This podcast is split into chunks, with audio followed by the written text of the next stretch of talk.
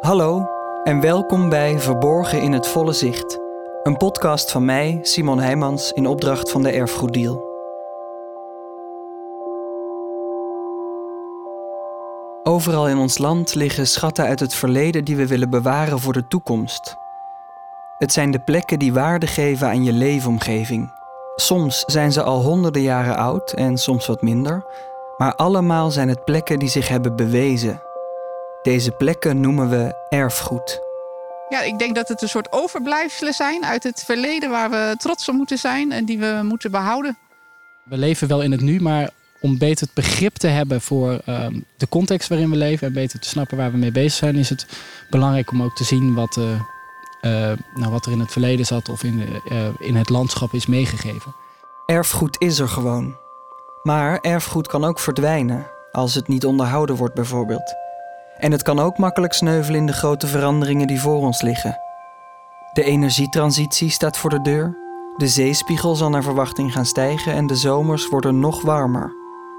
Dit kunnen we opvangen door zonneweides aan te leggen, dijken te verhogen en windmolens te bouwen. En in dit proces kan erfgoed verloren gaan. Of het kan juist worden ingezet en van waarde zijn voor de toekomst. En daarvoor is de erfgoeddeal in het leven geroepen. De komende jaren draagt de erfgoeddeal bij aan projecten waarin het verleden en het heden samenwerken aan een toekomst. Dat doen ze met een aantal erfgoedprofessionals vanuit hun programmabureau. En de komende tijd stuurt dat programmabureau mij op pad om meer te weten te komen over de projecten die ze steunen. Van die projecten zijn er veel, want zoals gezegd, Nederland barst van het erfgoed. Verborgen in het volle zicht. Misschien kom je er al wel elke dag langs, maar je ziet het pas als je weet waar je moet kijken. En dat gaan we doen in deze podcast.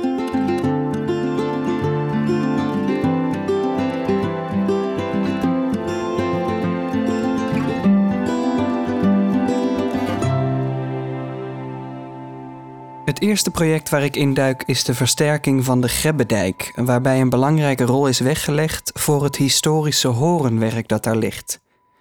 Het historische horenwerk. Nou, ik had er nog nooit van gehoord. Maar ik heb even geskypt met Jefta van het programmabureau van de Erfgoeddeal en hij praat me bij.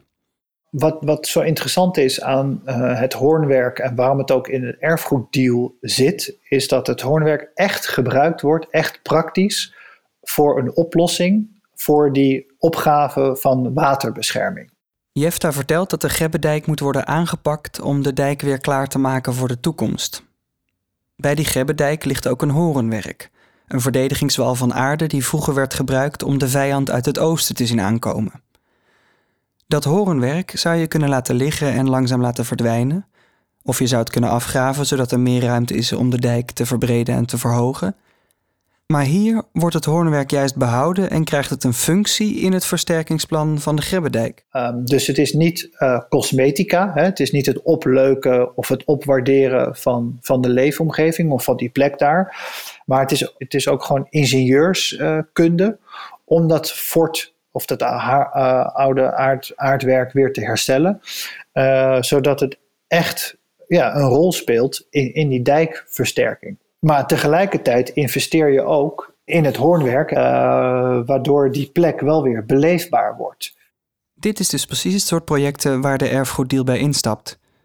Projecten waarbij erfgoed behouden blijft, maar ook een extra betekenis krijgt voor de toekomst.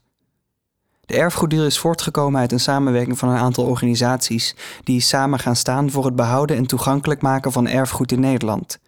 Ze financieren en adviseren projecten waar een erfgoedcomponent bij betrokken is. Zo noemen ze dat allemaal, de erfgoedprofessionals. Het is een wereld vol met jargon dat wordt gesproken door mensen die heel veel houden van hun vak.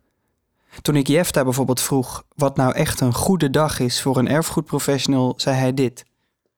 Ja, jeetje, wat een grappige vraag. Uh, nou ja, je, je, je hebt een woord hè, dat ze zeggen het is technisch weer. Uh, maar dat is meer voor de, voor de buitendienst. Dus dat is uh, ja, zon, uh, niet, niet te warm, niet te koud, maar droog. Dus dat je naar buiten kan en ja, bouwwerken kan beoordelen of het landschap in of kan opgraven. En op zo'n dag raadde Jefta me aan om eens bij het hoornwerk te gaan kijken, zoals het er nu bij ligt. Want het hele plan om de dijk aan te pakken moet nog worden uitgevoerd. Je moet er echt eens gaan kijken om te begrijpen wat er gaat gebeuren. Wat maakt dit project nou zo bijzonder? Het is een prachtige plek, maar het ligt nu nog een beetje verstopt. Je zal het zien, het, het is een beetje een, on, vaag, een vage, onherkenbare plek. Is het dan dit? Wel, ik moet achter me. Uh, is dit dit? Nee, niet. Het is nu eigenlijk nog vooral een plek waar je zo voorbij rijdt. Wel, dit was het wel.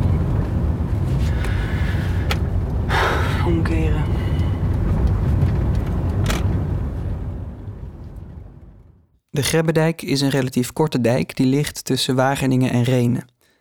Ongeveer halverwege, in een bocht waar de weg richting de Grebbeberg gaat, ligt het horenwerk. En daar heb ik afgesproken met Lucie. Hi, ben je Lucie? Ja. Hey, hallo. Ja, we kunnen elkaar geen hand geven. Ja, fijn. Ik heb het gevonden. Het was best even kijken hoe ik de weg af moest en zo. Ik pak even mijn spullen. Lucie is de projectleider van de aanpak van de Grebbedijk. We zullen op die mooie dag een wandeling maken over de dijk en ook onderaan de dijk. Want aan de teen van de dijk, zoals Lucie zegt, ligt een bijzonder natuurgebied, de Blauwe Kamer. Nou ja, we zitten hier bijvoorbeeld aan de buitenzijde, is allemaal Natura 2000 gebied. Daar leven hele bijzondere vogels en planten. Uh, dus daar moeten we ook rekening mee houden in de uitvoering. Het uitzicht vanaf de dijk is echt prachtig. Het is er groen en stil. De Blauwe Kamer is ook het leefgebied van een aantal grote grazers, vertelt Lucie. Die weten in geval van hoogwater zelf de weg naar hoger gelegen gebied te vinden. Ze lopen dan langs de teen van de dijk richting het hoornwerk. We zien het hoornwerk liggen vanaf de dijk. Een verhoging met gras erop en daarachter liggen een aantal woonboten. Allemaal dingen waar Lucie rekening mee moet houden in het vormgeven van het project waarin de dijk zal worden aangepakt. Zoals ik me bij een projectleider had voorgesteld, vertelt Lucie analytisch over alle verschillende elementen van het project. En toch voelt het vanzelfsprekend hoe ze met haar open schoenen door het gras stapt, met haar voeten in de klei.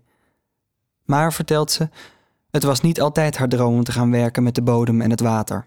Nee, ik wou vroeger uh, ik wou sterrenkunde studeren. Ja, ik had vroeger een telescoop en daar las ik allemaal boeken over. Dat leek me superleuk. Maar toen ging ik kijken bij de universiteit en toen was het toch alleen maar eigenlijk natuurkunde. Vond ik op zich natuurkunde wel leuk, maar ik dacht ja, alleen maar natuur. En... Lucie leidt me vandaag rond langs de Grebbedijk en het Hoornwerk. Net als Marten trouwens.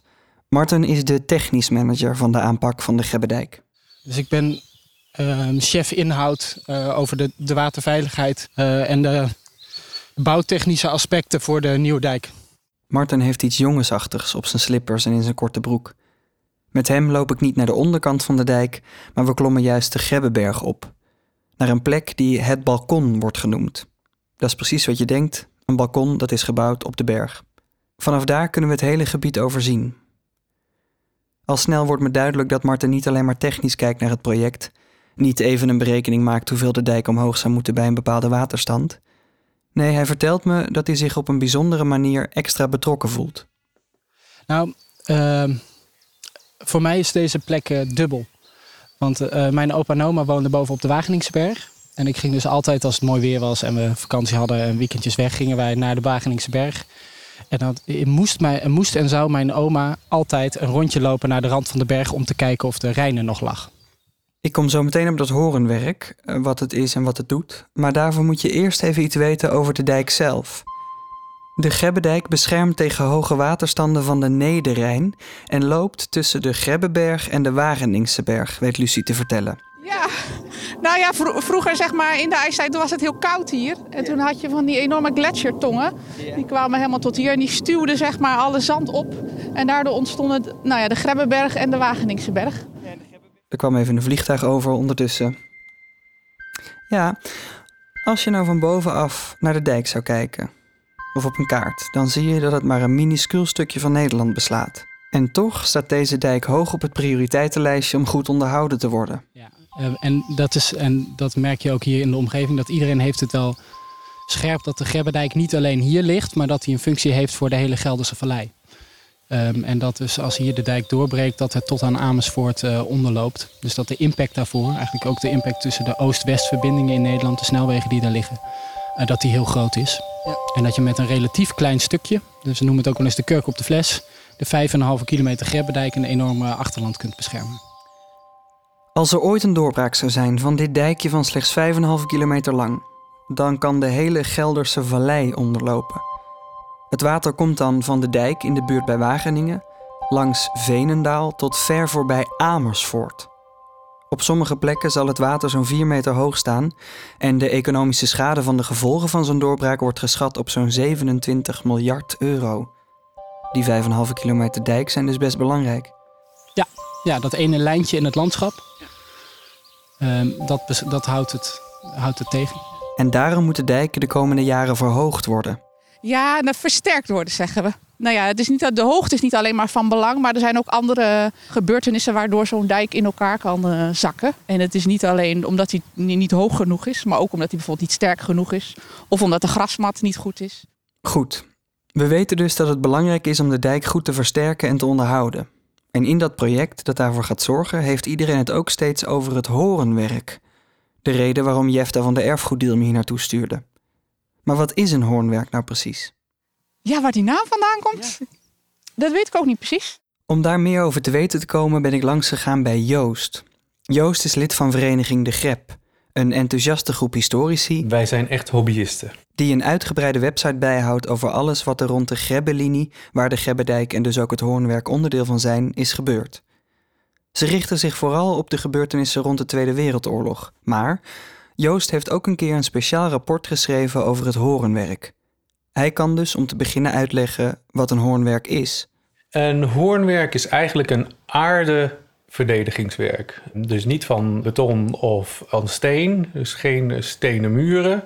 Maar het is puur een verhoging in het landschap. Zo moet je het eigenlijk zien. Een horenwerk is een bepaald type verdedigingswal. Als je er vanuit de ruimte naar zou kijken met een satelliet, dan zie je twee keer een verhoogde letter W in het landschap liggen.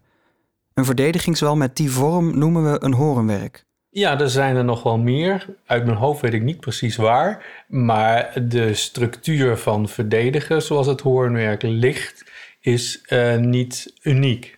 waar komt de naam hoornwerk vandaan? Ehm, dat zou ik echt niet weten. Misschien met de vorm. Het heeft natuurlijk wel iets van een W. Ja, Een soort van hoorns. Dus misschien dat dat het de oorzaak de- ja. ja. de hoornen, ja. Ja, Maar ik weet het niet. Vanaf de dijk is het horenwerk nu misschien minder goed te herkennen, maar als je er van bovenaf naar zou kijken, ziet het er op de N-weg na die er nu doorheen komt nog redelijk zo uit als toen het werd aangelegd. Eh, ik geloof dat de eerste plannen zo'n beetje uit 1745 of zoiets dergelijks zijn. En ja, de bedoeling was om het ho- hoornwerk te gebruiken echt als eh, in te richten als verdedigingswerk met kanonnen en eh, wallen, zodat daarachter kanonnen konden worden neergezet en eh, schutters. Het hoornwerk werd dus gebouwd in een tijd dat er werd gevochten met zware gietijzeren kanonnen en buskruid. Het was alleen een wal van aarde. Maar toch zag ik toen ik er was ook beton uit de aarde komen. Die betonnen bunkers stammen uit de tijd dat in Duitsland Hitler aan de macht kwam. Nou, die eh, aardewal, dat is de oude verdedigingswal. En in eh 38 en 39 waren er al plannen. En in 39 zijn die ook gerealiseerd om in die aardewal eh kazematten te maken. Hè? eh, niet de bunkers, maar kazematten. Joost zijn hele gezicht gaat open als hij het woord kazematten zegt. Later zal hij me vertellen dat daar een grote interesse van hem ligt. Daar zijn eh, in het hoornwerk eh, een aantal kazematten ook gebouwd. En die liggen er ook eh, nog steeds. M- niet wat minder zichtbaar, maar ze zijn er nog wel. Het wordt me duidelijk dat het hoornwerk een plek is waar de geschiedenis zich opgestapeld heeft. Eh, de plannen waren in 1745 en ik geloof dat het uiteindelijk in 1785 is gebouwd. Is er in die die tijd al gevochten? Nee, nee, nee. nee, nee het is enkel in eh, 1940 en in 1944 is er daadwerkelijk strijd geleverd. Ja, in 1944 eigenlijk ook niet echt. Misschien dat je wel eens van de Grebbelinie hebt gehoord in verband met de Tweede Wereldoorlog. Zeker in de meidagen van 1940 is daar in de bossen in het oosten van ons land een aantal dagen gevochten en zijn er veel slachtoffers gevallen. Eh, nou, er is eigenlijk drie dagen strijd geleverd. Het Hoornwerk heeft de 10e mei, hè, want je hebt het over dagen, eh, de 10e mei eh, niet heel veel actie gezien, maar 11 en 12 is daar behoorlijk eh, eh, gevochten daar in de, de buurt En op het hoornwerk zelf ook wel. Als je dus weet waar je moet kijken, ligt de geschiedenis rondom de Grebbedijk voor het oprapen. Ik sta met projectleider Marten op de berg die gevormd is in de ijstijd, te kijken naar de verdedigingswal uit 1785, waar nog gevochten is in de Tweede Wereldoorlog. Dat de plek ook vandaag nog betekenis heeft, merken we als er een groep militairen langsloopt. Er komen ook soldaten langs. Dat is een militair ereterrein. Dit is de plek waar het Nederland vijf dagen stand heeft gehouden. Ze hebben waarschijnlijk een bezoek gebracht aan de militaire erebegraafplaats op de Grebbeberg. Later zien we ze ook nog de kazematten bekijken die een klein stukje boven de grond uitsteken. Vanaf de plek op de Grebbeberg waar Marten en ik staan, hebben we een goed zicht op het gebied rondom de dijk. Hij vertelt me dat het stuk dat we zien aan de binnenkant van de dijk bij hoog water het eerst onderloopt. De afgelopen drie jaar is dat twee keer uh, voorgekomen. Dan zijn we natuurlijk meteen eh, hebben foto's gemaakt ook. Want het lastige van waterveiligheid is dat je een dijk bouwt voor het geval dat. Um, en de meeste foto's die van de dijk worden gepubliceerd zijn prachtige, schitterende foto's met een dag met mooi weer. Maar eigenlijk heb je een beetje donkere luchten nodig. Een beetje onheilspellend water tegen de dijk, het liefst tegen het randje. Zo'n onheilspellende dag is het vandaag zeker niet. We hebben technisch weer. Maar Martin legt me uit dat hij voor zijn vak altijd moet rekenen met de donkerste scenario's. Ja, de dijk kan op een aantal manieren kapot gaan. De uh, piping is het de onderloopsheid van een dijk. Dus denk aan je zandkasteel. Op een gegeven moment, uh, als je die gebouwd hebt en je hebt water daarachter staan, dan ontstaat er een klein gaatje in het zand, waar uh, een zandmeevoerende wel, en die, die ondermijnt de dijk. En als er genoeg zand is weggespoeld, schuift uiteindelijk de hele dijk onderuit en dan hebben we een probleem. De grasmat kan nog kapot gaan en wegschuiven. De stevigheid kan worden aangetast of er ontstaan op nog andere manieren scheuren in de dijk. En uiteindelijk, als er dan een keer een, een superstorm komt, ja, dan hebben we een probleem. En dan uh, is de hele dijk er niet meer. Maar, benadrukt Martin, die kans is al ontzettend klein. En met het project dat de komende jaren gerealiseerd wordt, wordt die kans nog kleiner. En dat project van dijkversterking zal ook weer een nieuwe laag toevoegen aan de geschiedenis. Een laag waarin het horenwerk weer een bijzondere plek krijgt, legt Lucie uit als we dat hoornwerk versterken, en dat is dan, gaat dan om de buitenzijde, dat is hier hè, waar we nu voor staan, um, dan hoeft de dijk hier ook niet omhoog. Want het, dat de hoornwerk, uh, dat remt dan de golven ook weer. Het horenwerk wordt teruggebracht naar de hoogte die het had in 1785 toen het werd aangelegd. Door dit te doen zal het hoornwerk in geval van storm dienen als een golfbreker. Heel simpel gezegd, het water zal dan minder hard over de dijk gaan klotsen. Door het historische hoornwerk, dat ooit was bedoeld om te verdedigen tegen vijanden uit het oosten, dus in te zetten, hoeft de dijk nu minder opgehoogd te worden om toch te blijven beschermen tegen het water. Nou, we hadden ook wel een oplossing dat we, uh, dat we omhoog gingen en in de breedte. Dus dat kan, hè? Dat is een van een, alternatief. Maar wat je dan wel doet, is dat je het hoornwerk vernietigt voor een deel. En dat is natuurlijk super zonde. Ja, dus dit is juist zo'n mooie kans dat je en iets kan betekenen voor waterveiligheid, maar ook iets voor cultuurhistorie. En dat je niet, uh, nou, dat je niet alleen maar kijkt naar die waterveiligheid, maar dat je een beetje verder kijkt dan je neus lang is. Ja, en dat vind ik dus echt te gek, dat dat onder andere in dit project zo goed samenkomt. Het is niet of klaar zijn voor de toekomst of het erfgoed behouden, maar altijd en-en. Want het is belangrijk dat erfgoed behouden blijft. Het zegt namelijk iets over ons en over de plekken waar we leven. We leven wel in het nu, maar om beter het begrip te hebben voor uh, de context waarin we leven en beter te snappen waar we mee bezig zijn, is het belangrijk om ook te zien wat, uh, uh, nou, wat er in het verleden zat of in, eh, in het landschap is meegegeven. En plekken als het hoornwerk kunnen ons leren begrijpen of wat voor effect de gebeurtenissen op ons landschap hebben gehad. De komende tijd wordt in het gebied rondom de Grebbedijk hard gewerkt om onder andere het hoornwerk beter zichtbaar te maken en weer een functie te geven. Nou ja, het is natuurlijk mooi dat, uh, dat dit een plek is met een verhaal. Dus, dus het uh, zou super leuk zijn als mensen, we mensen dat verhaal beter kunnen vertellen. Dus wat hier gebeurd is in de 18e eeuw. Dat het een verdedigingswerk was voor vijanden uit het oosten. Dat hier heftig gevochten is tijdens de Tweede Wereldoorlog. In de meidagen van 1940. En dat het een plek is ook voor waterveiligheid. Hè, dat het Hoornwerk ook een waterveiligheidsfunctie heeft. Maar het heeft ook een natuurfunctie als het straks af is, dan hoop ik dat die lagen heel mooi samenkomen. En dat we dat verhaal ook kunnen vertellen. Uh, aan de mensen die toevallig voorbij fietsen, bijvoorbeeld. Of wandelen. Ja. ja. Dat kan ik je van harte aanbevelen om eens bij het Hoornwerk bij de Gebbedijk te gaan wandelen. Het is een prachtige plek.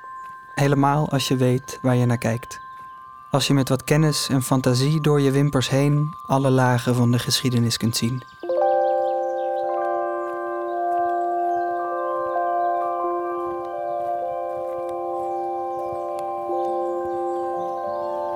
Je luisterde naar Verborgen in het Volle Zicht, een podcast van mij, Simon Heijmans, in opdracht van de Erfgoeddeal. Muziek in deze podcast is van Amir Vahidi en de audiomix werd gedaan door Sam Huisman. Wil je meer weten over wat de Erfgoeddeal doet? Kijk dan op www.erfgoeddeal.nl.